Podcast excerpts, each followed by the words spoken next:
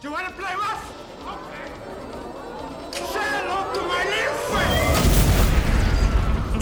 hører på Filmmaraton med Stefan og Andreas.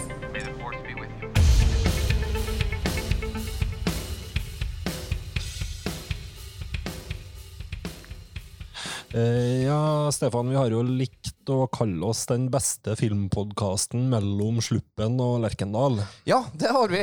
vi, men vi det er jo ikke så stort område, men eh, det, det tør vi påstå. Ja, vi- Men er vi egentlig det i dag? Nei, det er vi ikke. Nå sitter vi en helt annen plass i Trøndelag igjen, så vi er nå en ordentlig sånn trøndersk uh, podkast, da. Ja, nå har vi begynt å vært mange forskjellige plasser. Nå er vi den beste, beste filmpodkasten mellom Murvika og Vikameråsen. Ja, helt klart. For nå, hvor er vi igjen nå? Nå er vi vet du, i, i lokalene til vår eh, samarbeidspartner eh, Hifi Life. Ja, Og vi satt opp, eh, satt opp studio her nå, gitt. yes, så da er vi i Hummelvika i Malvik kommune. Mm. Vår tredje innspillingskommune. Ja, det er det. Så gamle nord eh, Trøndelag og gamle sør Trøndelag har vi nå holdt på å spille inn, vi, så Hva slags inntrykk fikk du av sjappa? Jo da, veldig veldig ryddig og, ryddig og fin, eh, fin sjappe, det her. Er det. Og jeg fikk jo en liten demonstrasjon i kinorommet, så, og der var jo lyden som må faktisk være på kino, syns jeg, da. Der er det Atmos, vet du. Mm. Det blir noe annet enn den lydplanken din. Det, det gjør det, men jeg hadde ikke kunnet hatt Atmos i det Når du bor i blokk, så kan du ikke ha Atmos, vet du. Nei, det er sant. Eh, Nei, men vi anbefaler å stikke innom og ta en kikk her, da, eller gå inn på hifilife.no og se hva som finnes av varer der. Ja.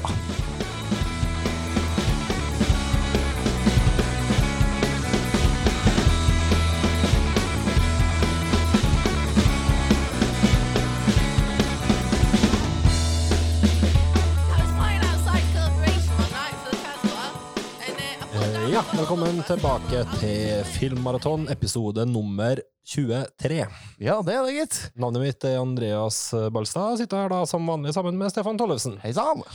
Eh, ja, vi har hatt en liten sånn sommerbreak eh, her, eh, men eh, tilbake for fullt nå.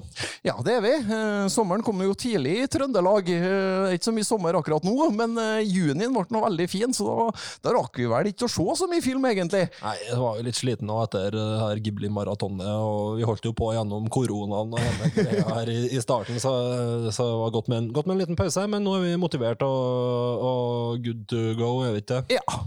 Eh, det her er en eh, Richard Linklater-spesial. Eh, Ja. Nærmere bestemt fokuserer vi på hans eh, Before-trilogi. ja, det gjør vi. Eh, det er jo litt sånn sommer, sommerfilmer òg, tenker jeg, da. Eh, ja, i noen grad. I hvert fall så har, de har den viben over seg, egentlig. Ja, At du er på ferie, liksom, og Jo, de har det. Jeg, er med på, jeg er med på den. Jeg har ikke tenkt sånn på det, men, eh, men eh, du, du tar definitivt ikke feil. eh, men vi kommer litt tilbake til det. Vi tar en kjapp runde vi har sett siden sist, og sikkert sett ganske mye nå på den her eh, drøye måneden siden noen hørte fra oss før. Eh, To måneder. Jeg tror mai var, var forrige episode, gitt. Herregud. I hvert fall, hva er din sett siden sist den uka her? Jo da, det er en film som er forholdsvis fersk på, på Blu-ray her nå. En film som jeg gleder meg til å se, og det er mm, filmen The Call of the Wild. Ja. Ja, eh, det er jo med Harrison Ford, eh, og regi er jo av en kar som heter Chris Sanders. Eh, Han har jo drevet på og regissert noen, noen animasjonsfilmer før, sånn eh, Disney sin Lilo Stitch og den der eh, drage, dragetreneren. Oh, ja. Det er jo ikke så dumme, tit dumme titler, det. Nei, det er veldig, veldig sterke titler, syns, syns jeg, da. Men det her er jo, en, eh, her er jo ikke en ren animasjonsfilm, sjøl om det er mye CGI i den. da. Okay. Um, for um, denne filmen er jo basert da på Jack London sin klassiker som ble uh, utgitt i 1903, fant jeg ut. Og har jo blitt filmatisert en haug med ganger. Første filmatiseringa var i 1923. Uh, og så har jeg òg ei filmatisering med en godeste Rutger Hauer fra, fra 90-tallet. så den er historien er for, fortalt før. Um, men uh, det her er nok kanskje den som er, er den største produksjonen uh, på, på lang tid, i hvert fall. Ja. Jeg har slitt litt med å få tak i den her, sett, eller få tak på hva det her er for noen ting, for jeg har sett det her coveret mange ganger, og det er sånn typisk cover som jeg styrer litt unna. Ja, jo Som er litt sånn Nei, det her sorterer jeg sånn fort i boksen for at det ikke er for meg. Litt eldre, gråhåra kar ute i naturen. Det er litt sånn eh, Nei, men der, der eh, Jeg tror du, du, du liker den her, sjø. Det kan, Det kan godt hende. Um, eh, Det som er litt artig med den, at det er jo at det, det er jo egentlig en Fox-film, Ja. men nå har jo Disney kjøpt opp Fox. Ja. Så det første jeg la merke til når jeg kjøpte Blu-rayen, er jo at eh, den er jo gitt ut som en Disney-film. ikke sant? altså, det, er ja. en, det er en Disney-Blu-ray nå eh, at Fox, Fox-filmene kommer ut. Og, og på denne filmen så passer det veldig bra. For at eh, hadde jeg skulle ha tippa hvilket selskap som sto bak den, så hadde jeg tippa Disney. For at Ja. den, den er veldig i, i en, en veldig sånn Disney-aktig film, da, i ånd til Ulvehunden med Ethan Hawke, som vi skal snakke litt eh, Ja. Han skuespilleren skal vi nå innom litt igjen, eh, men eh, Hvilken av dem er som heter, hvilken av dem her er det som heter 'Når villdyret våkner' på norsk? Ja, det er den her. Det er Call of the Wild. Ja. Det er 'Når villdyret våkner'. Ja, det er det. Ja. Hvorfor kalte ikke de det på norsk, da? Nei, Det er litt, litt eh, godt spørsmål, faktisk. Jo- For de har jo valgt å dubbe den på norsk. Da hadde jeg kunnet kjørt den referansen med en gang. Aha, Disney har kommet med nyinnspilling av 'Når villdyret våkner' med, med en Harrison Ford. Ja. Da, da det stilt annerledes. er dårlig, markeds, dårlig markedsføring av markedsføringsekspertene i Disney. Mm. Men det var kanskje Fox som sto bak roret når den først ble lansert. Jeg, jeg vet ikke. Det er en sånn grense, grense, grensegang. Det er avsporing uansett. Ja. Eh, det, det handler, jo, handler jo om han her bikkja Buck. Eh, og i denne filmen så er jo han blitt eh, CG CGI-animert. okay. Og det ser jo veldig bra ut, men samtidig så er ikke Du merker at det er ikke helt 100 eh, men, men, men det, der, det går seg fort, det. Eh, og han er jo òg tillagt en god del menneskelige kvaliteter, han her hunden. Okay. Men, men det er heller ikke feil, for at, eh, sånn som jeg, jeg leste jo boka på ungdomsskolen, eller noe sånt, og, og, og sånn jeg kommer på, så, så blir han jo det i boka òg. Han blir besjela på et vis. Ja, mm. Han har litt tanker og følelser. Mm. Men i forhold til boka, da, sånn, sånn jeg kommer på, kommer på så er det litt mer sånn uh, brutalt når han blir tatt ut fra den familien i California og må o- tilpasse seg livet som sledehund. da. Eh, og det, det er langt mer brutalt i, i boka, sånn jeg kommer på det, enn en hva det Disney eller Fox eh, fremstiller det i den, den filmen her. Ok, så de har, ikke, de har dratt ned litt det her tøff, tøffe Ja, det er jo mer, sjølsagt, men det er, det er mye snillere, eh, er det. Og ja, og ellers så handler det noe om at den finner sitt indre villdyr da, gjennom å være postledehu- postledehund, og etter hvert ender opp i eie med en Harrison Ford. Eh, og en Harrison Ford syns jeg gjør en veldig, veldig trivelig og, og god rolle her, altså. Eh, passer på, godt kasta. Eh, jeg valgte ikke å se han dubba på norsk, sikkert en Harald, Harald Mæhle som er en Harrison Ford der, men Hvis ikke, hvis ikke er han, hvis ikke han Herman Flesvig Nei, det, det går jo ikke. Er ikke han som er i alt nå? Jo, han, eh, han, han er artig, han også, men eh, Nei da, så eh, jeg kan gi et terningkast, og det er terningkast fem på den her. Steike. Ja, jeg syns det Jeg kosa meg skikkelig. Så Som et Disney-eventyr basert på en litterær, litterær klassiker, så fungerer den her veldig godt. Og ikke minst er det en veldig fin film som passer for hele familien. da. Ja. Ja, men det høres, eh, det høres bra ut, så det er en anbefaling. Absolutt. Ute på iTunes, ute på Blu-ray. Ja. Eh, jeg har sett eh, portrett av en kvinne i flammer av Celine Sciamma. Det er jo en av de her store eh, Arthouse-hitene fra 20, 2019. da. Mm. Eh, foregår på slutten av 1700-tallet. En relasjon mellom ja, en kvinnelig maler, da, eh, som heter for Marianne, som blir henta ut til ei øy for å male ei dame som heter for Heloise, uten at hun Heloise vet at hun blir malt. Oi sann. Fordi på den tida her så var det sånn i, i kan skal si, adelskapet i Frankrike at man sendte et portrett av seg sjøl til mulig, en mulig framtidig ektemann. Ja. Eh, sånn at eh, Ja, det høres jo helt spinnvilt, spinnvilt ut, da. Men det er jo litt som å få se et sånn dagens Tinder-portrett, på en måte. Mhm. Datidas Tinder-portrett, på en måte, da. Eh, men hun, Heloise er jo ikke sånn supergira på å bli gifta bort, hun. Så hun motsetter seg litt, egentlig, det å bli malt av noen. ja. Eh, Så, det har vært flere forsøk på å få, få Martha, men hun på en måte saboterer i praksis eh, de her forsøkene. da. Så det er flere tidligere malere som har måttet ha gitt opp. Men der er som på en måte 1700-tallets papparassig fotograf, da. At han står med, står med penselen og lerret sånn i smug, og Nei, det som skjer, er at uh, hun Mariann blir henta inn under et slags dekke av at hun skal være en turkamerat for hun Heloise. At hun skal litt, fungere litt som ei sånn venninne og ha en uh, ja, ja, så en det er litt sånn muldvarp. eh. Mul muldvarpmaling. så, hun, eh, så hun maler Hun studerer jo så godt hun kan da, når de er på turer på stranden og sånt her på dagtid, og så maler hun så godt hun kan etter hukommelsen på nattestid. Eh, og så skal vi ikke avsløre sånn veldig mye mer av det som, det som skjer, men det blir jo etter hvert en ganske nær relasjon mellom dem, mellom dem her to, og så tar det, tar det jo litt vendinger, litt vendinger etter hvert. da. Mhm. Eh, Så det er jo for så vidt ei klassisk Arthouse-fortelling, det her, som fokuserer på ja, det er lav, lavmælt historie, relativt lavt tempo, fokus på nære menneskelige relasjoner i, ja, i, en, i en litt spesiell setting, da. Avhengig av litt eh, rolleprestasjoner, da, vil jeg tro. Ja, det er det jo selvfølgelig veldig gode, veldig gode rolleprestasjoner, og, og et est, altså, veldig, veldig flott uttrykksmessig og estetisk. Mm. Det er en sånn type film som du nesten kan sette på pause hvor som helst, og du vil ha et fantastisk stilbilde. Ja. Men det er jo et kostymedrama. Ja, i praksis så er det jo det.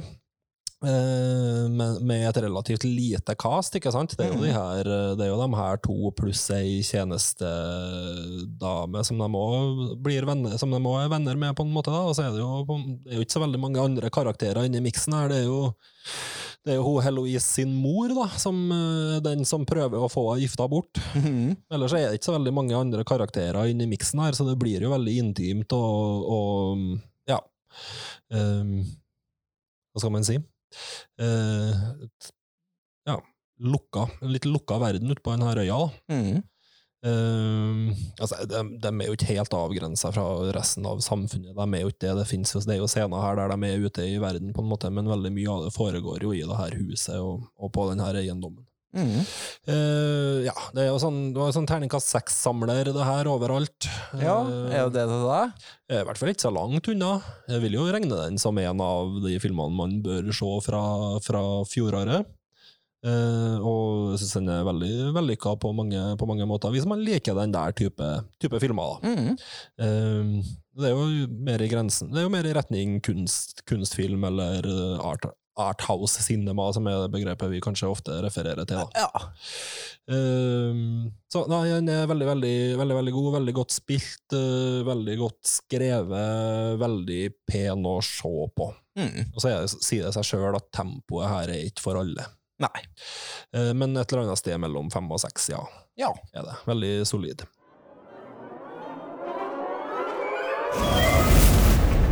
Filmmaraton.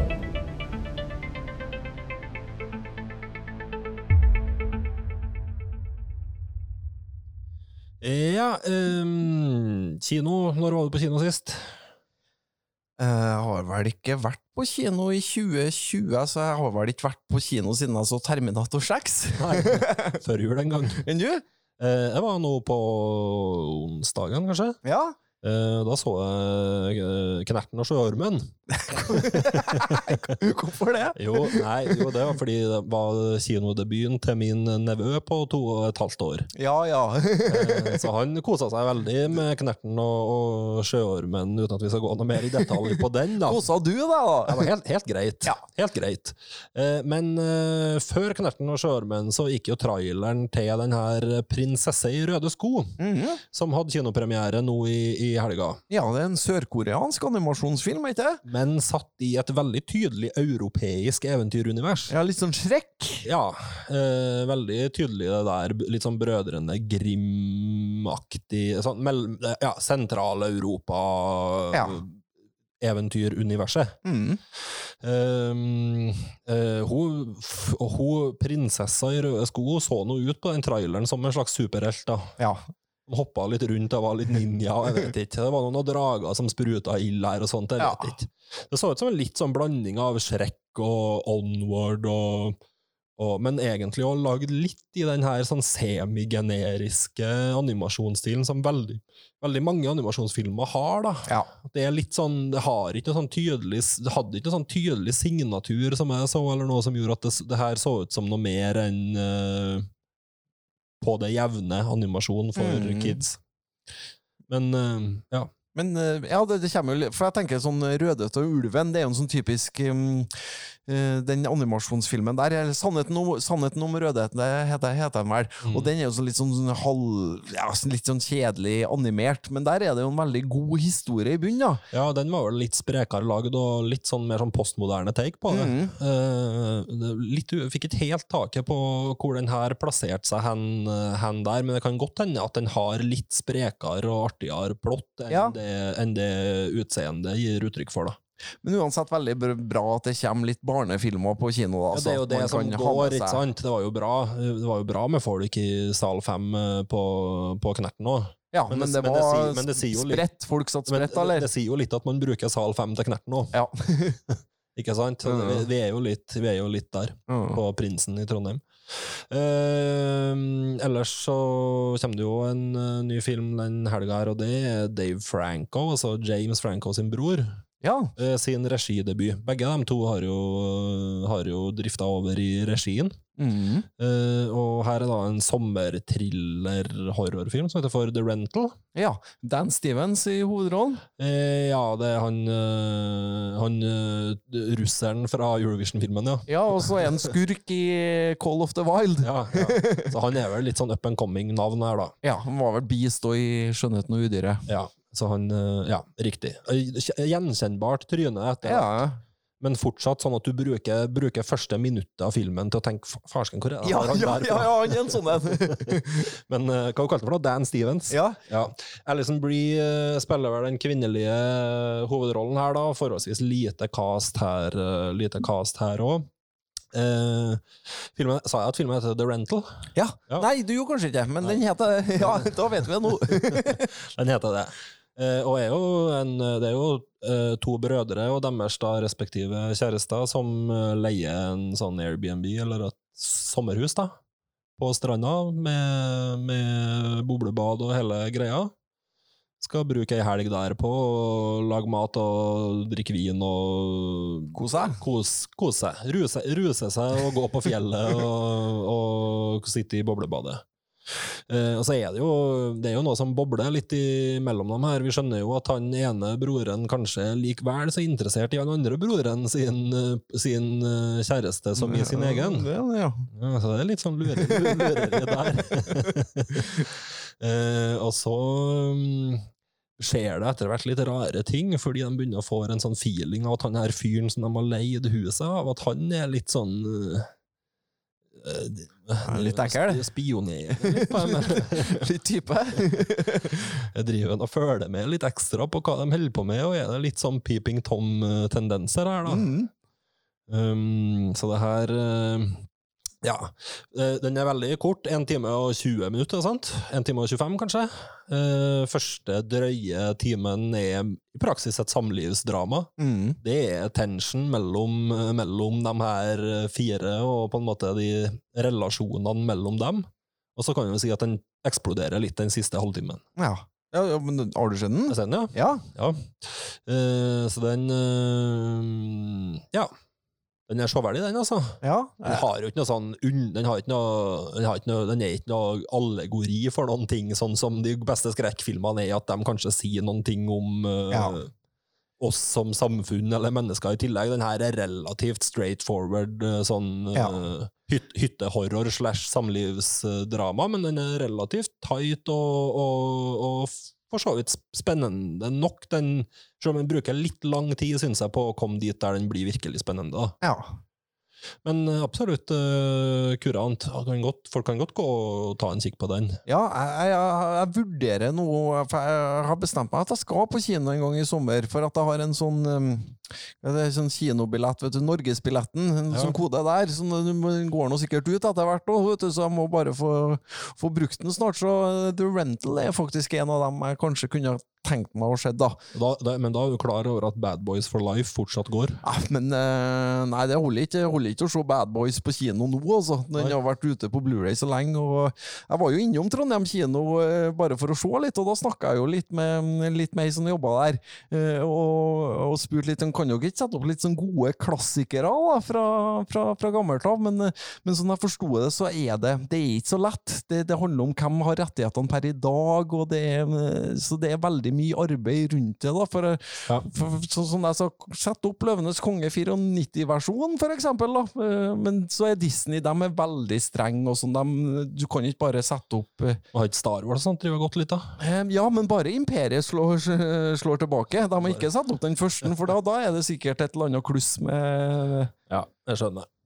Er noen, noen, som har, noen som har lekerettighetene der, som ikke vil at den skal vises. før den- Det eh, er for, det er for vanskelig sånn Hvem skal ha prosenter, sikkert. Jeg ser òg Dark, Dark Knight har vel gått òg, men den er ikke jeg så interessert i å se på kino. Men det jeg har vært veldig interessert i å se på kino, er jo 89-versjonen av Batman. Hvorfor Ja. setter de ikke opp den? Eller Batman Returns. Ja, men, men der er det, det er vel komplisert, som jeg forsto. Enn Batman Forever. Ja, hadde Batman Forever kommet med sommerrelease nå, jaggu meg skulle ha og sett den. Godt, Altså. godt å sette sett den. Ja. Hold me, thrill me, kiss me, kill me. Du, har- jeg kjøpte av singelen av deg i sin tid. CD-singelen. Ja. Kjøpte du den av meg? ja, for 20 kroner, eller en ost, ostebolle. Ja, den var kul. Den for så vidt den første Batman-filmen jeg virkelig hadde et forhold til. Samme, samme til meg. Så den er samme hvor, hva man mener om den i dag, så er det definitivt Batman Forever. Det er et eller annet med den. Det er det. Vi så den som, sommeren 95, begge to. Nok det. Men nok om det, vi snakker oss bort nå. Vi skal prøve å holde uh, lengden litt nede, så vi må prøve å komme oss, uh, komme oss videre til hoveddelen. Nå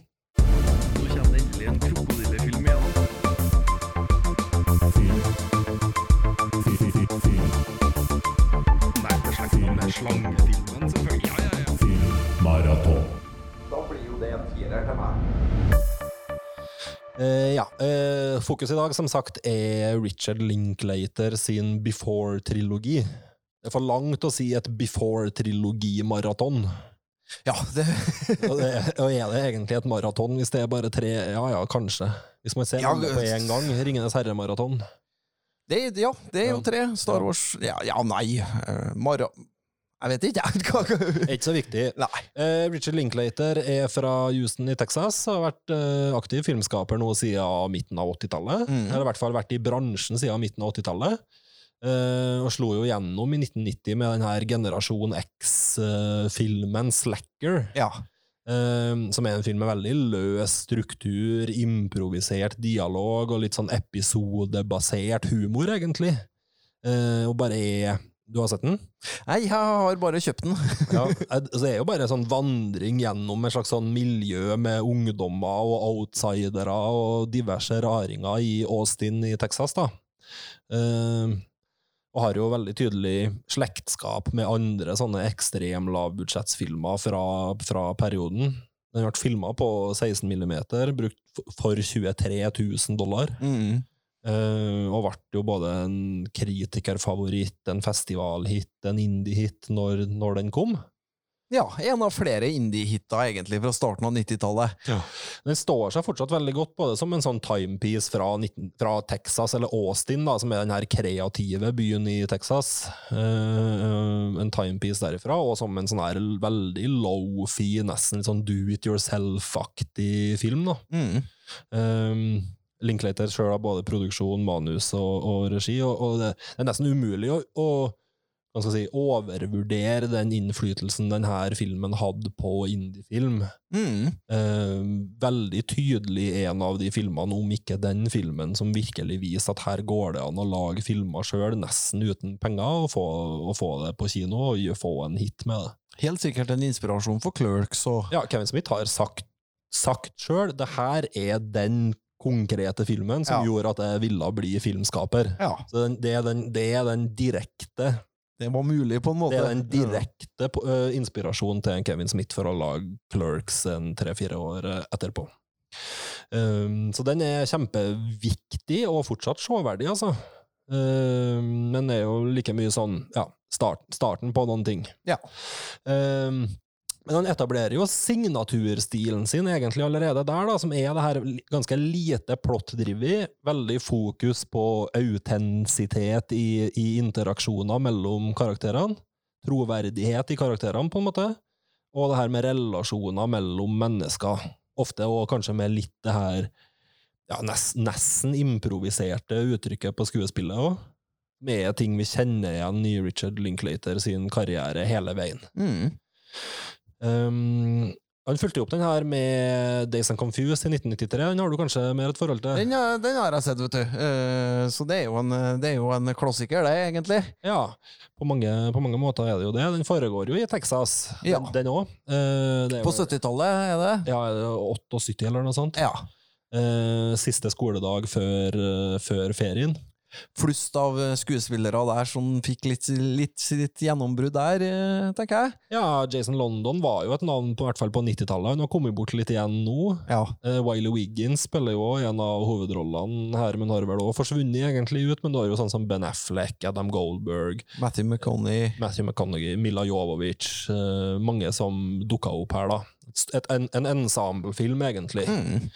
Eh, det handler jo om noe sånn heising-rituale av nye freshmen eh, som skal inn på high school, da. Ja, eh, og for så vidt historier vi har sett før, eh, sånn sett. Men, Ja. men han tar, har jo sin egen personlige vri Ja. på det. Så man tar liksom, man skal liksom ta Hvis du ser norske forhold, da, så er det videregående elevene som skal ta tiendeklassingene på siste skoledag. Og gi dem en slags sånn at de skal skjønne hva de har i vente når de begynner på, begynner på high school til høsten. da.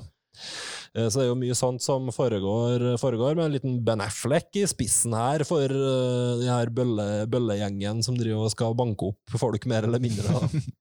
Eh, I tillegg til at det er en, en fest her. Og Da er det jo Jason London sin karakter, han Pink, som er et slags sånn bindeledd mellom alle de her små klikkene i denne, i denne filmen. Med at han er en sånn sosial kameleon som både kan henge med stonerne og nerdene og, og jock, the jocks og alle de her. Mm. Uten at filmen egentlig har noe sånn veldig tydelig fokus på på sånne over, overdrevent fokus på de der stereotype klikkene heller. Nei, det, det er jo litt sånn hangout-film òg, ikke det? da? Eh, Bare Kom. Ja. Eh, fordi, og det er litt interessant at du sier, fordi den originale ideen til Days and Confused, det var at det skulle være to fyrer som satt og prata i en bil mens de hørte på hele Fandango-albumet til CC Topp. Så her skulle det være liksom to klipp. Ene klippet skulle være at de satt på kassetten, Fandango. og andre skulle være bare at de satt og prata mens hele Fandango da spilte i bakgrunnen. Ja. Eh, ja, hvorfor ikke? Nei, så det, det kom jo forbi et pitchestadium, den ideen òg, men så var det vel noen som sa at det kunne være lurt å ha bitte lite grann mer plott. Men det hadde ikke vært helt ulikt en Linklater. Det hadde jo ikke det. Det er jo dialog som er eh, greia hans, eh, Ja. sånn jeg opplever den i hvert fall. Ja, og et lite frampek til de filmene vi ganske snart kommer til. Mm. Ehm, men eh, ja, det ble, ikke, det ble jo ikke sånn, men den har jo ikke egentlig heller så veldig mye annet plott enn at det her er ungdommer som henger sammen en eh, kveld og en natt. Det er jo det det, er jo det, det handler om. Ja. Ellers er det jo, som du sa, Matthew McConaughey sin gjennombruddsfilm. da, og Det er jo kanskje interessant å dvele litt med det òg. Han spiller den her karakteren Wooderson, som er en sånn klassisk rånertype. Mhm. Som henger med egentlig litt for unge, litt de yngre ungdommene akkurat litt for lenge. Ja, det, vi, vi vet å holde alle av dem. ja, det, men det er en sånn, det er en sånn karakter, sånn klassisk type som finnes overalt. Ja, Som er liksom fem år eldre enn dem man men ikke gitt slipp på Um, og var jo egentlig ikke kasta til denne rollen heller, så den var jo skrevet i manuset som ganske mye mindre enn det den ble, men etter hvert, når han plutselig kom inn i miksen her, så så jo Richard Linklater at det her er en fyr som man bare må gi plass til å improvisere, da. mm. Eh, Så da får du de her ikoniske sitatene, ikke sant? Alright, all right. Ja. Og det er It would be a lot cooler if you did. Mm. Uh, og alle de her Jeg får ikke herme etter den her eh, Texas uh, Får du til? Texas, Nei, det, sånn, vet du, det skal jeg ikke. Jeg kan her- prøve meg på dansk og alt mulig rart, men ikke den der Texas-aksenten. Te- te- Texas aldri, den, den har ikke den inne. Men i hvert fall, ja, se for deg en Matthew McConaughey på sin relativt ikoniske dialekt. Ja, ja, ja. Eh, og veldig definerende rolle for han, da.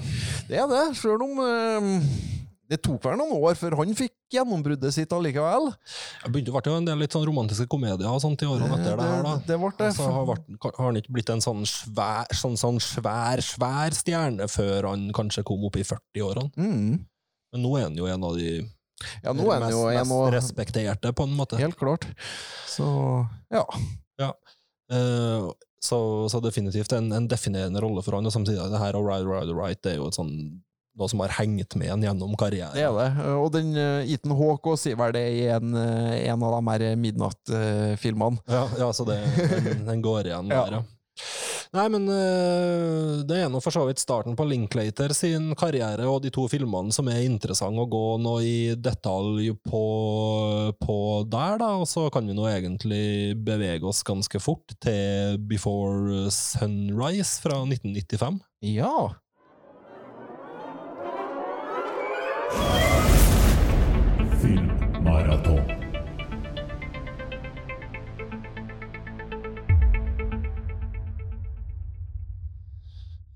Before Sunrise kom jo i 1995 og var løst basert på Linklater sine, sin egen litt lignende opplevelse i 1989. Ja, det leste jeg òg, at han hadde vel en liten flørt der. Ja, så eh, han den, Ja. Men det, Men hun døde vel i trafikkulykke, for han håpa jo at når den eh, før soloppgang kom på kino, at hun på en måte dukka opp da.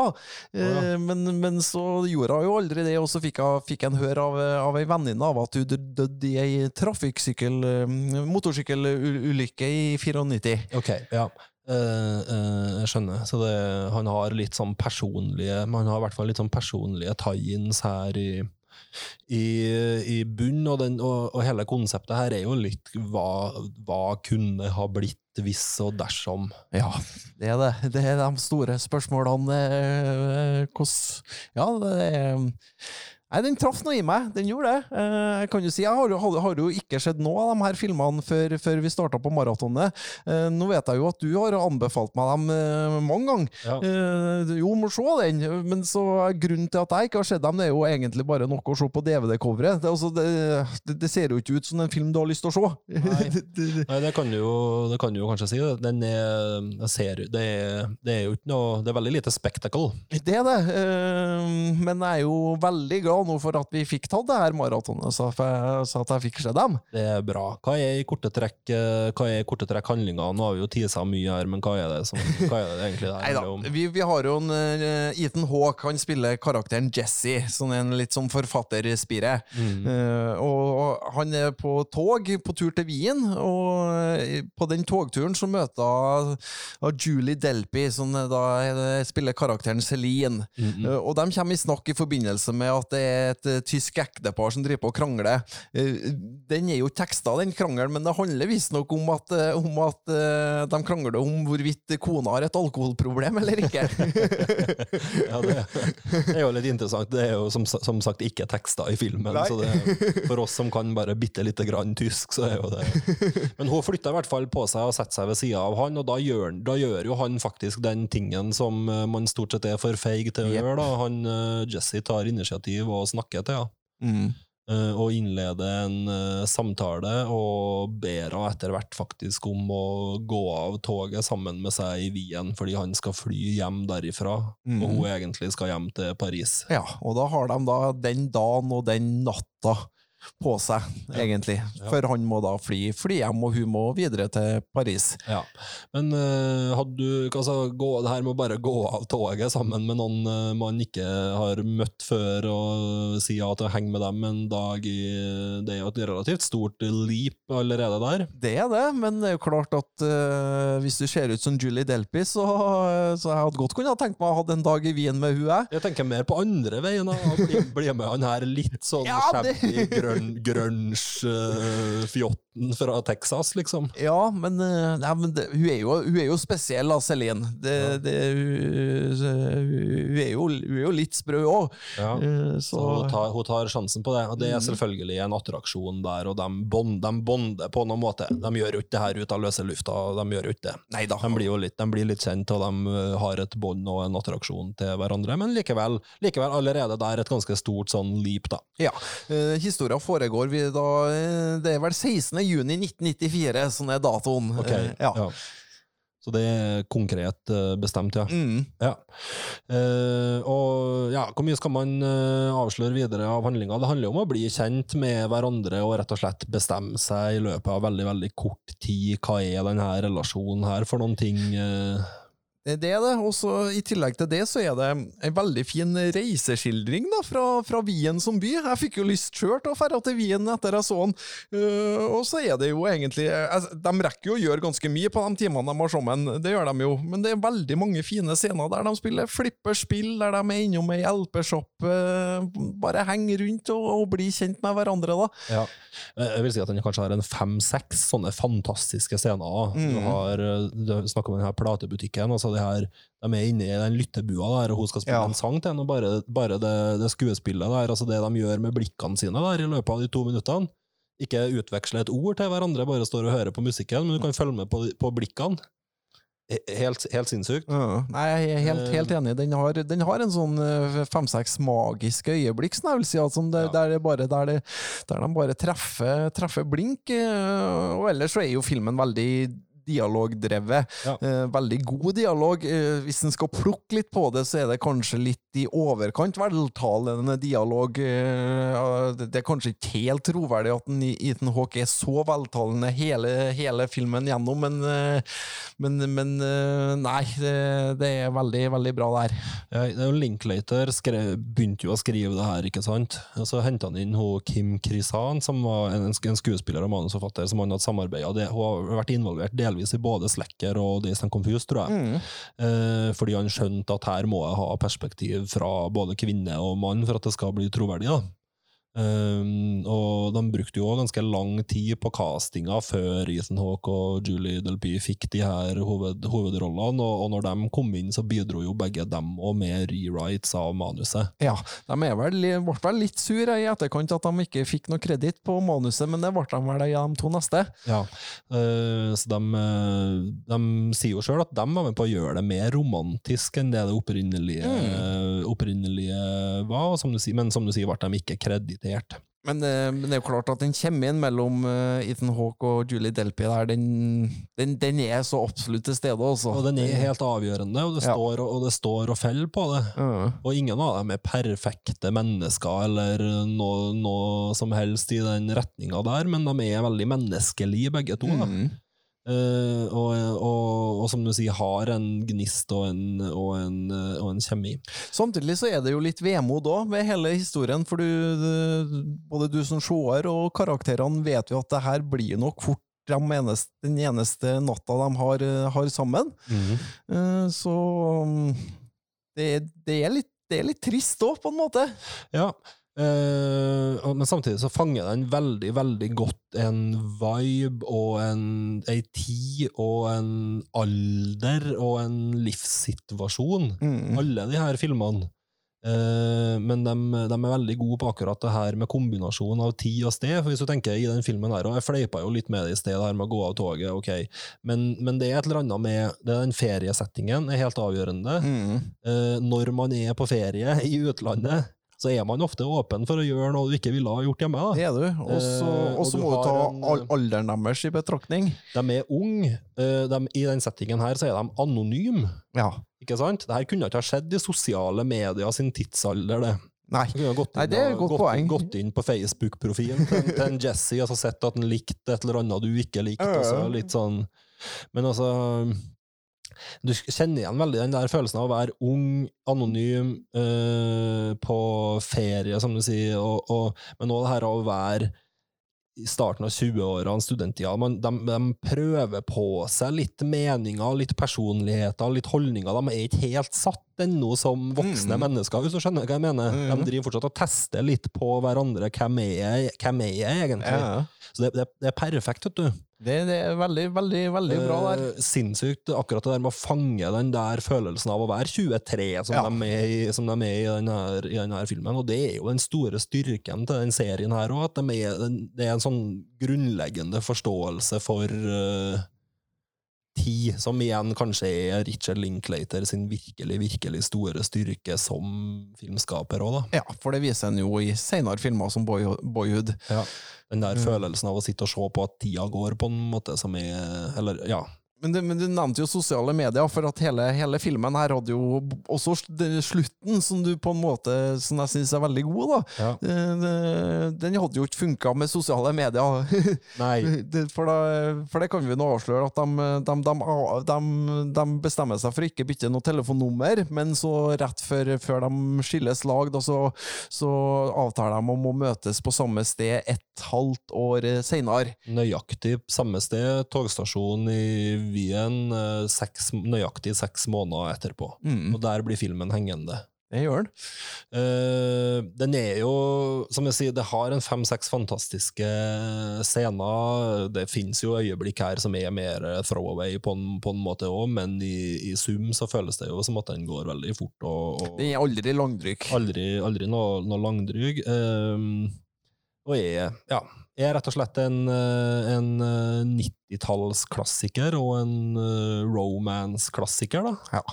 Nei, så, så jeg vil si at hvis du, hvis du har hatt litt sånn holdninger som meg, at nei, det her ser ut til en litt sånn kjedelig sånn kjærlighets sånn klisj, nei, jeg er litt skeptisk, så vil jeg si Sean. Sean, for, for min del så ble det her faktisk en eh, klinkende klar terningkast seks. Det, det er jo det. Det er en klinkende klar terningkast, eh, terningkast seks. Eh, og ei, klokkeklar anbefaling fra, fra oss. Before sunrise, eller før soloppgang. Ja. Um, hvis vi hopper ni år fram i tid, da, Ja, for det er litt artig. Da kom, da kom oppfølgeren. Ja, og da er vi på before sunset, eller før solnedgang. Ja, så nå har de en kortere tid. Ja, det har de. eh, Og det er nøyaktig handlinga foregår nøyaktig, eller nøyaktig og nøyaktig, da, ca. ni år senere. Mm. Eh, Filmen kom i 2004, men handlinga foregår vel da i 2003. Ja, og her har han jo Linklater òg tatt litt inspirasjon av sine egne, eh, egne opplevelser og, og drømmer, da, der, han- håpa på at du gamle kjæresten dukka opp på premieren på, på før, før soloppgang, så, eh, så, så handler jo den her om at en Jesse har skrevet da i bok, eh, som har blitt en bestselger, som handler, handler da inspirert av, av møtet med Celine ni år tidligere. Og når han da er på boksignering i Paris, så han sitter vel og håper på at da Celine dukker opp òg. Ja, han gjør nok det. det. Det gjør hun jo. Ja, og der er det jo litt interessant, for det er jo litt premisset for denne filmen. Det er jo det innledende intervjuet han gjør med tre, tre journalister. Fordi den boka han har skrevet, slutter jo på samme måte som, eh, som filmen. Eh, og dermed er det jo da en stor diskusjon. Hva skjedde egentlig? Hva, dukka ja, kom, komma, på, kom, komma på togstasjonen, eller, Ja. eller ikke? Og som er veldig sånn Romantikerne tror hun kom. Ja. Eh, Realistene. ky- Kynikerne tror hun ikke, ikke Altså Veldig sånn eh, utgangs, utgangspunktet der, og det er jo det store spørsmålet vi sitter med, egentlig. Det er jo det. Kom, komma. Og det får vi jo svar på i denne filmen. Ja. Eh, vi, trenger ikke avsløre om eh, hvordan det gikk, men i og med at det da tok ni år før de faktisk møttes, så kan vi vel si at det var bare én av dem som møtte opp. Ja. Men hvem? ja, ikke sant. Um, og, og så er det vel ikke noe overraskelse, som du var litt inne på i sted, da, at eh, her, dukker, her dukker Celine opp på den der boksigneringa. Ehm, og de møtes og begynner å prate. Jesse har en og en halv time eller noe sånt på Ja. seg til han må på flyplassen. Det som å- kompliserer litt, er jo at en Jesse har rukket å gifte seg og fått unge. Ja, det er jo en såkalt komplikasjon i, i, manuset. Begge, begge i et forhold, uh, for så vidt. Men som du sier, Jesse er til og med gift og har et barn. Eh, og de må, men de må egentlig likevel faktisk ganske fort her bare kjenne litt på sine følelser rundt hele greia. Så skal de ta opp kontakten og prøve å utforske det her videre igjen, eller, eller er det altså Men kjemien er jo der, vet du, med en gang. Og de gode samtalene er der med en gang. Og vi skjønner jo det at det her er karakterer som er skapt for å være, være sammen, da. Ja. Eh, det den her mangler som den første hadde, var jo den her der var det to fremmede altså så, i en fremmed by, mens her er jo Celine på hjemmebane, på en måte. Så jeg føler ikke man får den der samme magiske øyeblikkene der man opplever ting sammen. eh, Men det er en veldig fin scene på en båt der, da, eh, der, de, der hun går med på å oppføre seg som en turist i Paris, på en måte. Ja. Eh, jeg er enig i det. Det er kanskje den beste scenen i filmen er på den, på den båten. Vi kan komme litt grann tilbake, tilbake til den. ehm, fordi altså, jeg tenker jo Noe av det som er interessant for oss som ser på her, det er jo som du var inne på i stad, det her med at hendelsene etter den filmen, første filmen avsløres. Det er jo noe av payoffen for Ja. oss. Det kommer fram gjennom samtalene, det her som du sier hvem, altså, hva skjedde egentlig Ja. på, to, på togstasjonen i desember i, 90, i 94? Um, og, og hvilke valg tok dem, hvorfor tok de de valgene, og, og ikke minst i, i hvilken grad de valgene har prega dem og livet deres etterpå. For det må man jo i noen grad si at det har, da. Ja, ikke sant? Um, og, og, og som du sier, de finner tilbake til den gamle kjemien, men de har ansvar. De, nå er de i 30-årene, nå er de voksne mennesker, de har ansvar. Begge har tatt kall det pragmatiske og, og i hermetegn voksne livsvalg. da. Ja. Uh, og ikke, ingen av dem nødvendigvis uh, er sammen med sin store kjærlighet, men er i en relasjon som er ok, Mm, ja. hvis man kan si det sånn. For det skjønner man jo, at det er jo ikke sånn veldig lykkelige forhold de er inne i, nødvendigvis basert på lidenskap, men litt mer på fornuft og Sånn helt greit fornuft. Og, og det er jo det store spørsmålet i Before uh, Sunset. Er det verdt å satse alt på liksom, den store kjærligheten, eller Ja. Som, som publikummer så heier jeg jo så absolutt på, på det, her, da. mm. men eh, men det, det, det, reiser en del sånne interessante problemstillinger da, rundt, rundt parforhold og ansvar og voksen Og så er det jo selvfølgelig at bor jo Han bor i USA, hun bor i Europa. Det det er en ganske lang reisevei mellom dem. da. Det er jo ikke bare at de bor i hver sitt land, men det er liksom på hver sin ende av, ende av klodene. Ja. Så Og så er det jo på slutten av filmen som sier de er med på denne båt, båtreisen, og det er da det her berømte sitatet fra Before uh, Sunset kommer, ikke sant? Der Ja. uh, Celine sier at du kan, egentlig, du kan aldri egentlig erstatte noen andre. ja. Ikke sant? Det, det vil aldri være sånn at noen andre kan fungere som en erstatning Mm. for, for det du egentlig går og vil ha, da. ja. Eh, og det er vel kanskje også litt svaret på hvordan det her i noen grad, eh, grad eh, går, men de har jo noen vanskelige valg å, å ta. Han blir jo med henne til slutt hjem i, i leiligheten, og det, det eneste jeg, jeg, jeg tenkte på da, når han skulle Jeg vedder på at hun der, hun har det rotete hjem. Ja, ja. hun er sånn som har det rotete Nei, sånn, I hvert fall maksimalistisk. Da, Yes, har- masse dildal og antikva, sånn dill og tull og gitarer. Og Og, herre har mye, herre har mye greier. og det, der, det, det var akkurat sånn jeg så det. Hun er skikkelig rotete hjem, da. Ja. Og servere te. Ja, selvfølgelig. Og, og spille litt gitar. Det er jo lite bruk av musikk, egentlig, i, i denne oppfølgerfilmen. Eh, Det er vel nesten bare på slutten, når hun tar fram gitaren sjøl og Da blir det jo mer effektfylt òg, mm, Absolutt. for da kommer det vel fram at det er ikke bare han som har skrevet om henne. Nei, det er det ikke. Eh, men ja, jeg kan ikke si noe mer om den. Den er veldig kort. 80, 80 minutter, filma i real, i real time. Ja, eh, det er jo litt interessant, eh. Det er, jo det, det er jo det tydeligste formgrepet som er gjort i noen av de filmene her. Er jo at nummer to her, Before Sunset, er fil den handlinga varer ja, Historia varer i 80 minutter, og, og, og mm, fortellinga varer i 80 minutter. Ja. Så det er direkte overlapp her mellom, de, mellom fortellernivåene. Ja, på terningkastet her så må jeg nok eh, gå litt, litt ned. Eh, for den, eh, den, den har ikke de her magiske øyeblikkene som den første filmen har.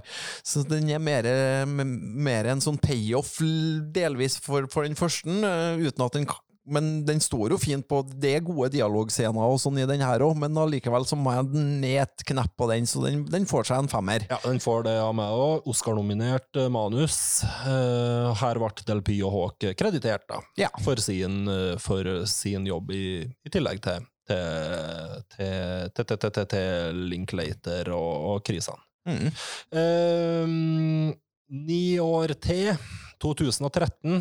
Da, vet du, da er de i 40-årene. Da er vi i 40-årene. Before Midnight, eller før ja, Hadde den norsk tittel Før midnatt? Ja, før midnatt heter, heter den eh, DVD-en jeg sitter med. Eh, da er de jo samboere, og de er vel ikke gift? Nei, jeg hadde først skrevet notatene om at de var gift, men jeg måtte strykke over det, for det kommer vel fram i en dialog at de aldri gifta seg, men de er i hvert fall De er nå som et ektepar. De har fått tvillingdøtre. De bor i Paris, men sjølve selve filmen foregår i Hellas, da, der de er på ferie. Ja. Uh, Hank, altså Jesse sin sønn, Ja, som vi husker fra forrige fra Film 2, han bor fortsatt i, i USA, Uh, og det er tydelig at uh, Jesse skulle ønske at han hadde en større og viktigere rolle i sønnen sitt liv, Ja. og at uh, forholdet til ekskona da nødvendigvis er dårlig, bittert. Mm. Uh, og det er jo noe tension her mellom han og Celine, i og med at Celine faktisk har bonda kanskje vel så godt som eh, Jesse har med Hank i løpet av denne ferien i- Ja, i, i. Hellas. da. Og Jesse føler seg, virker som han føler seg litt sånn trua. Det er et eller annet der som er, har rørt, opp, rørt rundt noe i noe gryte som ikke, ikke er helt bra. Det, det, det er det, så, så, så det er jo en Hank som på en måte blir litt sånn eh, grunnlaget for at vi skjønner at her er det ikke nødvendigvis gull og grønne skoger hele veien i forholdet. Eh, men filmen starter nå for så vidt sånn ganske positivt med at de sitter Det syns jeg er veldig god scene når de sitter flere par i forskjellige generasjoner. Du har òg et par som er litt sånn sånn i den alderen som de er i den første filmen, og så har du òg noen som er en 30 år gamlere, og så sitter de der og diskuterer til, forskjellige spørsmål. Ja. Eh, vel, vel, vel, vel, veldig bra, men eh, men eh, det blir jo litt saftigere krangler etter hvert der. Ja, Filmen bygger jo opp til en stor krangel rundt det her, ikke sant, som foreshadowes tidlig Og Celine sier Ja. det rett ut. Det her er noe som kommer til å fucke opp for oss. Eh, hun, merker det, hun merker det med en gang, at her er det et eller annet som Selv om det virker veldig uskyldig fra Jessies side, så, skjøn, så kjenner vel hun såpass godt at hun Ja, og så er det jo en, på en måte en katalysator for ting som har ligget og grugga lenge, virker ja. ut som. Det det er jo flere ting som blir dratt fram etter hvert her. Ja. Ønsker Jesse egentlig å flytte til Chicago for å være nærmere sønnen sin? Eh, elsker de hverandre fortsatt, eller er de i ferd med å begynne å komme til den delen av et parforhold der man irriterer seg over hverandre og, Mm. og misliker, misliker hverandre, og det her eskalerer jo faktisk til Ja, men før det så ligger det jo an til at vi endelig får en litt saftig sexscene mellom dem, for det, Ja, ja. det har vi jo blitt snytt litt gjennom hele filmene. Det blir jo bare insinuert i den første at de parer i parken, mens, mens i den tredje der så, så, så, så får vi jo se, se puppene til Adelpi, og, og, og, og det, det ligger jo an til at nå blir det en ordentlig paringsscene her, men så ringer jo mobiltelefonen, og det er en Hank som ringer, og som da igjen ripper opp i den diskusjonen de hadde litt tidligere der. Ok, så det, det Du ble, du ble skuffa over det, du. Jeg, tenkte han kunne ha ringt et kvarter senere, da. Ja, sånn, ja. Borti gri- nei Neida. Eh, nei det, men det er sant, det. Det er den eneste den, Det er den eneste som har ei, ei slags sexscene, eller som faktisk skal bygge opp mot ei slags sexscene, som blir avbrutt eh, typisk nok, egentlig, kan man vel, Ja, ja. Kan man vel si, da. Men da Eh. blir filmen virkelig bra. Det er jo fra, fra de begynner diskusjonen der, eh, at eh, da gikk, da gikk tida veldig fort. Jeg skulle egentlig skru den av tidligere òg, men, men det, det ble, ble såpass fengende der. Ja. Eh, så da blir det jo hele den der krangelen mellom dem, og veldig mange ting som du sier bobler opp til overflata, og vi kommer faktisk til det punktet der Celine sier at hun ikke elsker en Jesse Eh. Hvem du sitter og eh, holder med, du, under krangelen? Det, Tar du noe side, du? nei. Nei for der, akkurat der tar jeg sida litt enn Jesse, sikkert fordi at jeg kanskje er litt, litt mann sjøl, men jeg føler at alt han sier, da blir vridd og vendt på av, av Celine der, i verste mening, uansett hva han kan si og gjøre. Så, Ja. så, så, så irriterer jeg meg litt der, men det er jo klart at det, det er nok flere års ting som òg kommer ut der, da. det er jo tydelig det at han Jesse har vært utro mot henne, sikkert flere ganger òg, men iallfall én gang på noen bokturné der. Så hun har en del på'n, sjø. Ja, hun har det sjø.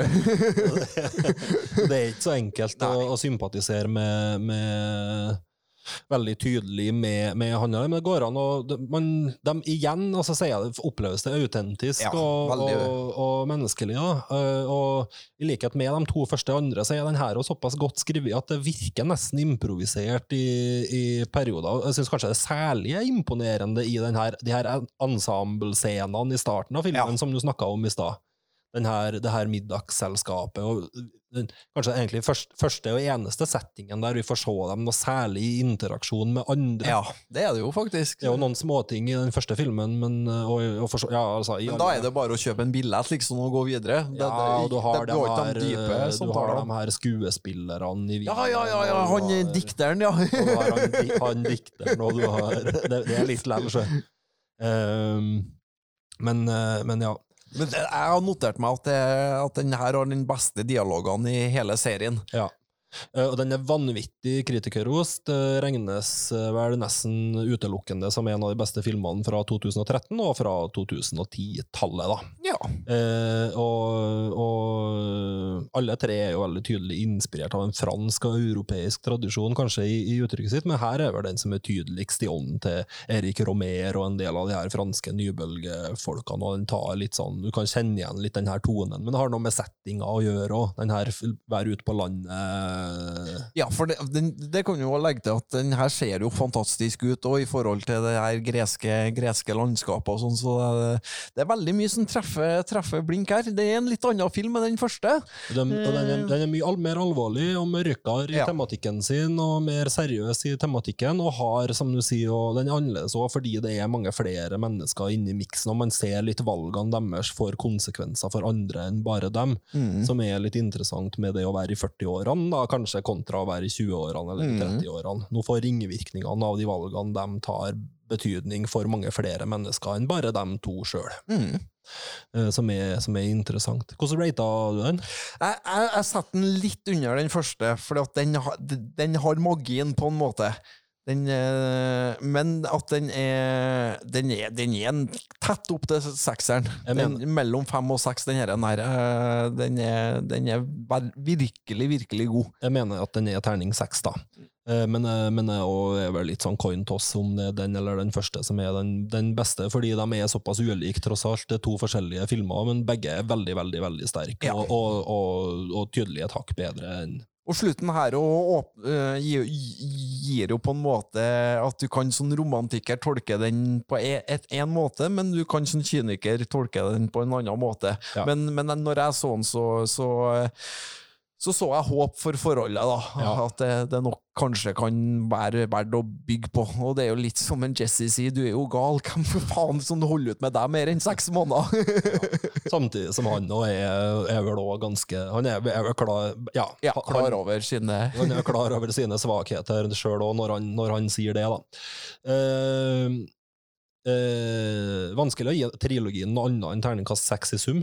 Nei, det, det, det fortjener den faktisk. Det her er, og det, det er unikt òg? Samme skuespillerne, samme gjengen, og som ni års eh, eh, mellom filmene. Og så får vi nå bare egentlig krysse fingrene for, da, for at det kommer noe i 2022. Ethan Hawke er intervjua om det. Ja. Han sier jeg tror fortsatt at det kan komme en fjerde film. Mm. Ganske sikker på at den ikke kommer i 2022. Ok. Eh, og da sier han det er et poeng at hvis vi skal lage en fjerde film, så må det være fordi vi føler at vi har noen ting å si om det her uh, forholdet, ikke bare fordi vi syns det er trivelig å være sammen med hverandre. Ja. Eh, og, men så fleipa han med at kanskje den burde vært foregått nå i Italia under koronasituasjonen. at de satt i, satt i Isolasjon i der, ja. i en leilighet i, i en leilighet i Roma og var med ut på balkongene og sang alle sang med italienerne. men, eh, men ja, nei, så han tror, og han sier jo at eh, sånn som han kjenner en Richard Linklater, så tror han at hvis det skulle ha skjedd noen ting nå, så hadde det bare blitt miksa opp helt. Ja. Hadde den kommet etter fem år, eller så kom det, kommer, en, kom kommer det en halvtimesfilm om 15 år siden. Ja, ja. Men, Eh, men altså, men han- eh, jeg, jeg vil gjerne se dem der gamle så- sammen, jeg, da. Um, så han har jo veldig tydelig likhetstrekk med den, den 7 Up-dokumentarserien, for eksempel, som gjør noe av det samme, ikke sant? Mm. Gjenbesøker de samme karakterene med sju års, sju års mellomrom, og bare ser hvordan har det gått med livet deres. Ja, jeg tenker, jeg, jeg, tenker jo at ni år òg hadde jo vært interessant, for nå begynner jo tvillingdøtrene deres sikkert å måtte flytte ut. Og, og, og det er jo en, sånn som jeg har forstått parforhold, at når ungene flytter ut, så er det på en måte en ny fase. Da må du finne ut, for nå har de ikke noe som felles som må, må binde dem sammen. De er litt for unge ennå, de er 14 eller noe sånt. 14-15 nå. De er fem eller sånt. i Ja, er de ikke en seks-sju, da? Fem, seks, ja, vanskelig å si. Jeg vet ikke. Seks, seks, sju. Fem, seks, sju. De er ikke helt utflytningsklare ennå, men kanskje om en to-tre år. ja, ja. Um, men eh, han Hank er jo, må jo være student nå, og, så det er jo Ja, interessant, ikke interessante ting her. Det er det. Um, uh, Richard Linklater har jo gjort det her en gang til, i eh, Boyhood. Det har han. eh, Så det, det var nå en film som jeg kjøpte når den kom, men latt ligge. Og til tross for at du har sagt nei, men du må se den, Stefan. Den, er, den har den på topp over filmer siste Jeg mener den kanskje er den definerende filmen fra forrige tiår, i hvert fall én av dem. da. Det er jo vanskelig, -hmm. vanskelig å velge blant en pott med veldig mye gode, Ja gode filmer, men jeg mener at den, hvis man skal velge en film som på en måte er den filmen som står litt som den man husker fra det tiåret, så er den så sinnssykt minneverdig eh, i, i de grepene den, den Ja. gjør. Uh, jeg er enig i at den er veldig minneverdig, og ikke minst veldig unik. Mm. Eh, det er den. Den fikk ikke helt maks pott for min del. Eh, det går kanskje litt på at jeg aldri klarte helt å sympatisere med, med hovedkarakteren, Nei. men, eh, men selve, Sjølve grepene og, og det at den er spilt inn med noen scener Er det over 14 år? Gjennom 14 år de holdt på? Med samme skuespillere. Mm. Så Den gir jo definitivt òg samme følelsen av å sitte og se på at tida går, som det gjør å se Before-trilogien Mm. i, i sammenheng. da. Og den jo er jo interessant. Det er ikke bare gull og grønne skoger i familielivet der.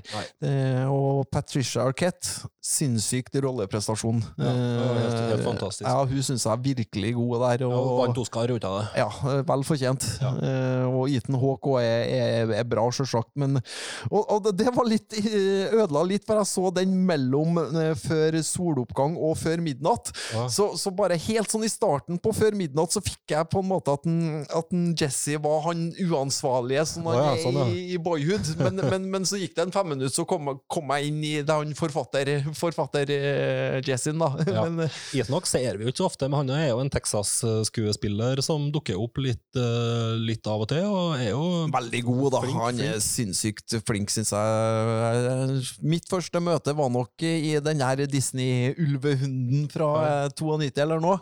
Men han slo vel gjennom med den derre Dagen er din, med Robin Williams. eh, var med der, ja. Mm. ja.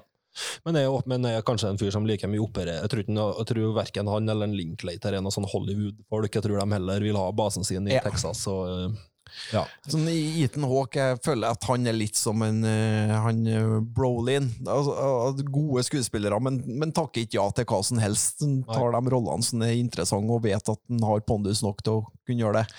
Eh, Selena Jesse dukker opp i en av Thea Linklater sine filmer. Ja, det var ikke jeg klar over! Nemlig den her animasjonsfilmen Waking Life Ja. fra 2001, som var en slags sånn forsøk fra Linklater på å si noen ting om drømmer og underbevissthet og sånne ting. Mm. Eh, og der er det et klipp med dem sammen i ei seng i Austin. Eh, jeg husker ikke helt hva det er de snakker om, men der er de tydelig i et, eh, i et forhold, på en måte. ligge. Men den er fra 2001? Så det går ikke an. Nei, det gjør jo ikke så, så det vi vet, er at uh, fra det vi vet om Before Sunset og Before Midnight, så kan det her aldri ha skjedd i trilogien sitt, sitt kontinuum, på en måte, ikke sant? Så dermed blir det her en slags mer en sånn alternativ virkelighet, eller et glimt av hvordan det her kunne ha gått, eller Ja. hva som kunne ha vært. Så det, det er, ikke- den, den scenen er ikke eh, kanonisert i Before-trilogien. Men det er en slags sånn what could have been. Jo, de kunne ha vært kjærester og bodd i Austin, Texas i, to, i, 2000 og, i 2001, hvis ting hadde gått annerledes. Vi heier jo på dem hele det, så den er jo litt, er jo litt det er jo litt interessant sånn, som et sånn what if. Uh, sånn bitte, Hvordan er man animert, da? bitte lite glimt. Nei, det er den der Waking Life-stilen som er tegna oppå vanlig film, på en måte. Så, det, jeg, jeg Så de, så de spiller faktisk sjøl, da, eller? ja, det, ja, ja, ja. Eh, de er der, de. Men mm. de er på en måte tegna over. Ja. Eh, ellers så skal vi prøve å runde av det her, da, men Linklater hadde jo kommersiell suksess med School of Rock. Mm, ja, det, det er sikkert den som har dratt inn mest penger. Det har jo ikke denne Before-trilogien veldig kritikeranerkjent, og- men, men ikke noen blockbustere, selv om de tjente inn eh, budsjettet sitt og vel så det. Tjent bra i forhold til budsjett. Ja. Eh, stor kreativ suksess, som vi var inne på med Boyhood. Ja. Eh, ser den jo på mottakelsen. Den har 100% på Metacritic og er vel reita som den femte beste filmen gjennom tidene, eller noe sånt der. Mm. Um, vant eh, beste regi på Golden Globe, vant beste regi på BAFTA, hadde en haug med Oscar-nominasjoner. Tror det kanskje var bare Patricia Arquette som endte opp med å vinne til slutt. Ja, men, men iallfall, den, den var nå Veldig veldig sterkt år, 2014. Ja. 2014. da. Det var sinnssykt mye annet bra det, det året. Det Hva var det som kom da? nei, det var jo Birdman som vant, vel. Ja! Og du hadde, du hadde Whiplash, og du hadde uh, Ja, det var, det var masse sinnssyke filmer. Veldig, Kanskje det sterkeste filmåret forrige, forrige tiår for den der type film. ja. Um, men, eh, men ja. Um, ellers så har han jo gjort en del rart. Han jo, har jo en sånn indie-hit til med den her Tape. Uh, ellers så hadde han jo sånn Bernie. Uh, Nyinnspillinga av Bad News Bears. Ja, Uh, med Billy, Billy Bob Thornton, ja. ja.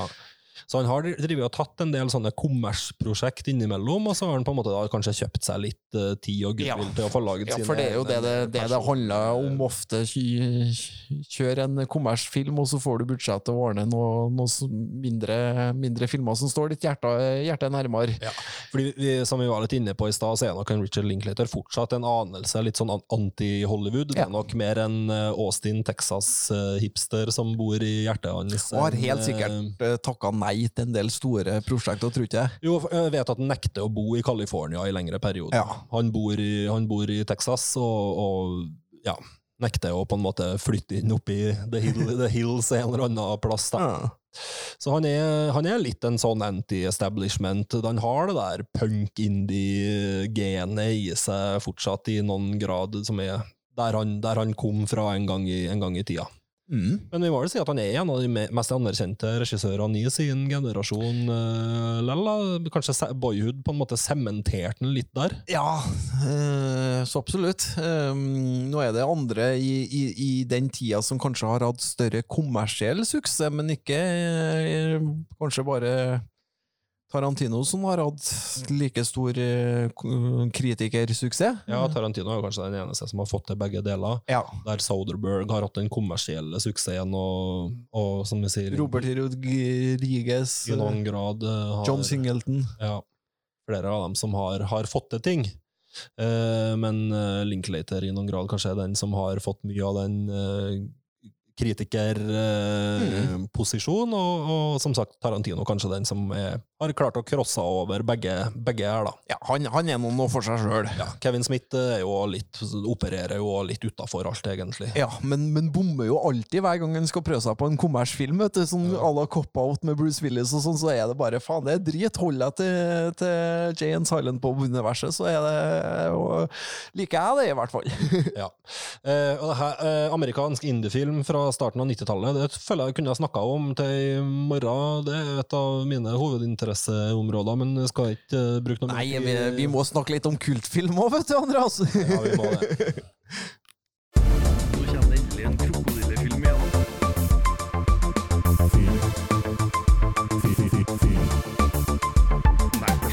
Slangefilmen, selvfølgelig. Ja, ja, ja. Da blir jo det en firer til meg. Eh, ukas kultfilm det er en uh, oppfølger til en klassiker. Det er det. Uh, Grunnen til at jeg tar med den filmen her på denne episoden, er jo fordi at vi har jo sittet og snakka litt om Julie Delpy. Ja. Og det er jo en skuespiller jeg skal innrømme det at helt siden jeg begynte å se film, så på, sånn jeg kan komme på, så var hun en av dem jeg syntes var skikkelig, skikkelig fin. Okay. Fordi at hun har en rolle i Disney-versjonen av De tre musketerer. Ja, vet du. ja, hun, hun ender jo opp med en Chris O'Donnell der, vet du, som ah, Dartanon. Det er hun- det som blir kjæresten Det til det, Da- og- Yes, og siden jeg så De tre musketerer, så, så, så har jeg nesten syntes at hun har vært noen av de peneste skuespillerne jeg noen gang har sett. da. Ja. Eh, og da, da Få høre, jeg få høre litt flere navn. Eh, Katie Holmes, når Katie hun Holmes, slo gjennom ja, det, husker jeg, eh, det husker jeg når du sier det. hun var opptatt av på ungdomsskolen. Satt du og så Dawson's Creek og sånt for å se på Katie Holmes, da? Nei, eh, jeg hadde vel mer som plakater fra topp og sånn hengende. Og så Alicia Silverstone når hun kom med Ja, Clueless, da. hun vet du. Ja, Jeg var så fan av Erika Ellen Jack i, i. Baywatch. Vet du. ja, ja, og, Og- og Cameron, på Og Cameron Diaz. Ja, hun hadde jo plakater på rommet, kommer jeg på. Ja. Og Jen Jennifer Aniston. Ja, da, da var jeg mer på Jennifer Love Hewitt, jeg. Ja, det var du, ja. Mm. Nok om det. Eh, vi snakker jo om en amerikansk varulv i Paris. Det er det. Den filmen kom i 1997, og da eh, oppfølger av det er nesten en av eh, sånn topp 20 favorittfilmer da, eh, til meg. En amerikansk varulv i London, regi John Landis, mens han ordna bare gull, og kom vel i 19, ja, 1981. Og den her eh, amerikansk varulv i Paris, da, det, det er ikke en dire- direkte oppfølger, men det hadde vel blitt jobba i mange år med å få ordna en oppfølger, for man skjønner jo det at det er jo litt sånn å trykke, trykk penger. Eh, men eh, men, men eh, er det like bra?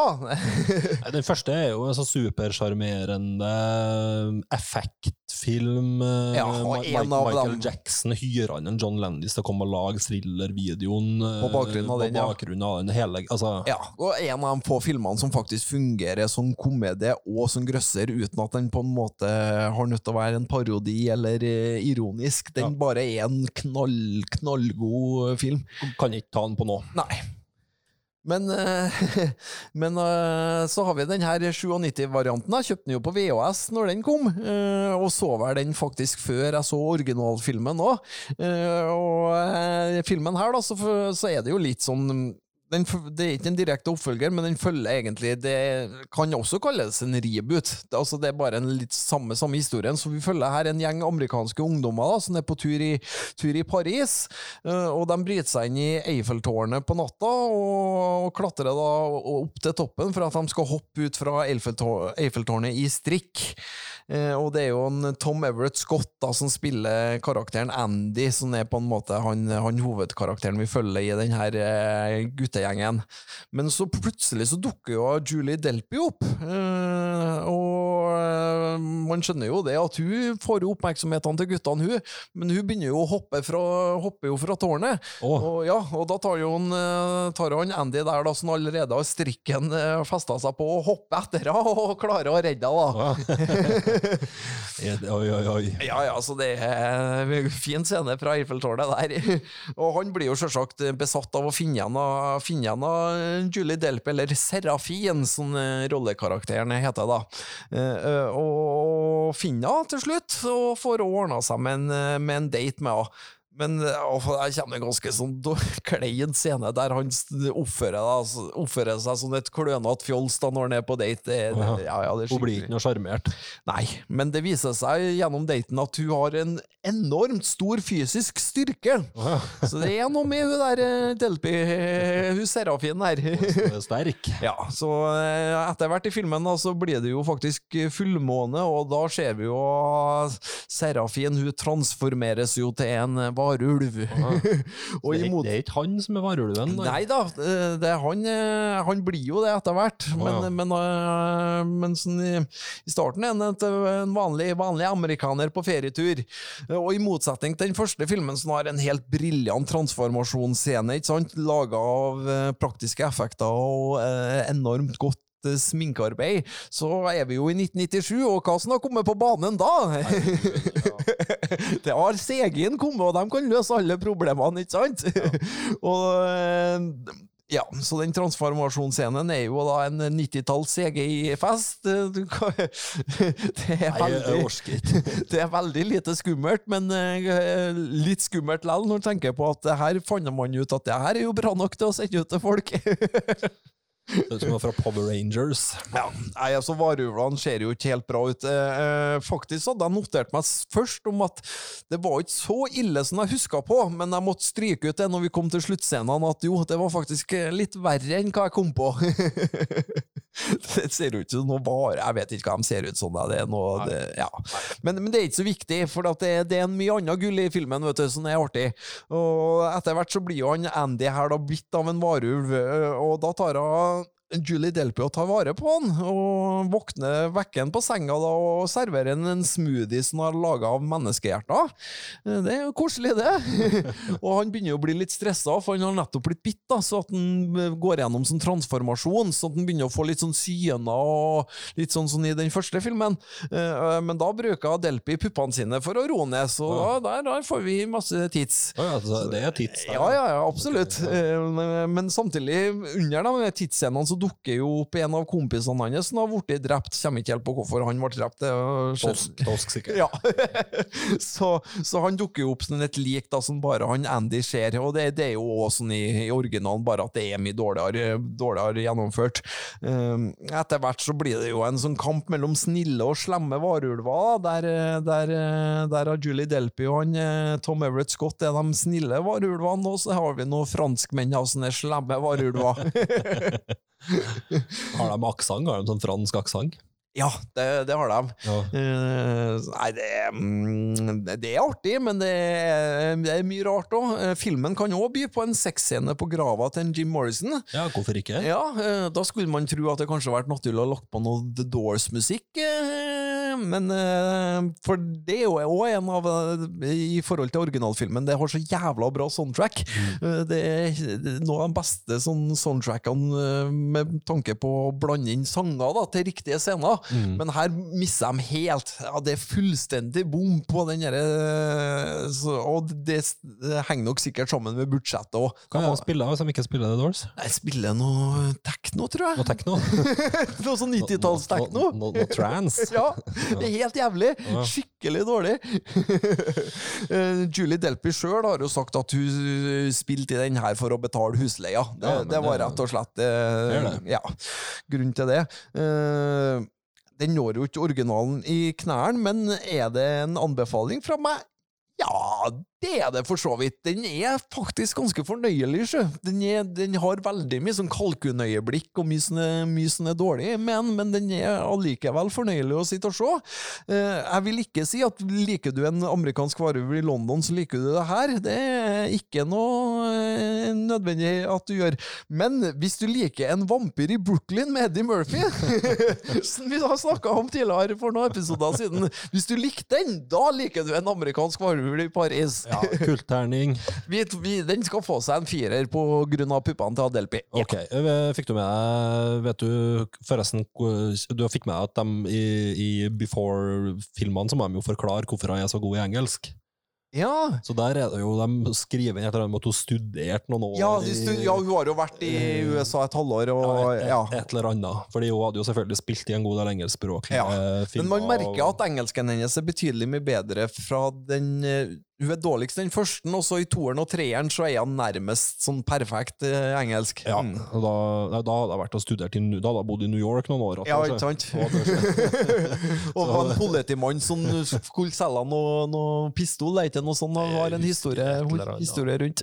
Et eller annet. Ja. Men de finner i hvert fall en måte å forklare det på, for hun, hun er i utgangspunktet litt for god i engelsk til å være Ja, ja. en troverdig fransk mann. Ja, I den her så har jeg vel ganske Der legger jeg vel på litt fransk aksent for å liksom være den Serafine the Werwolf.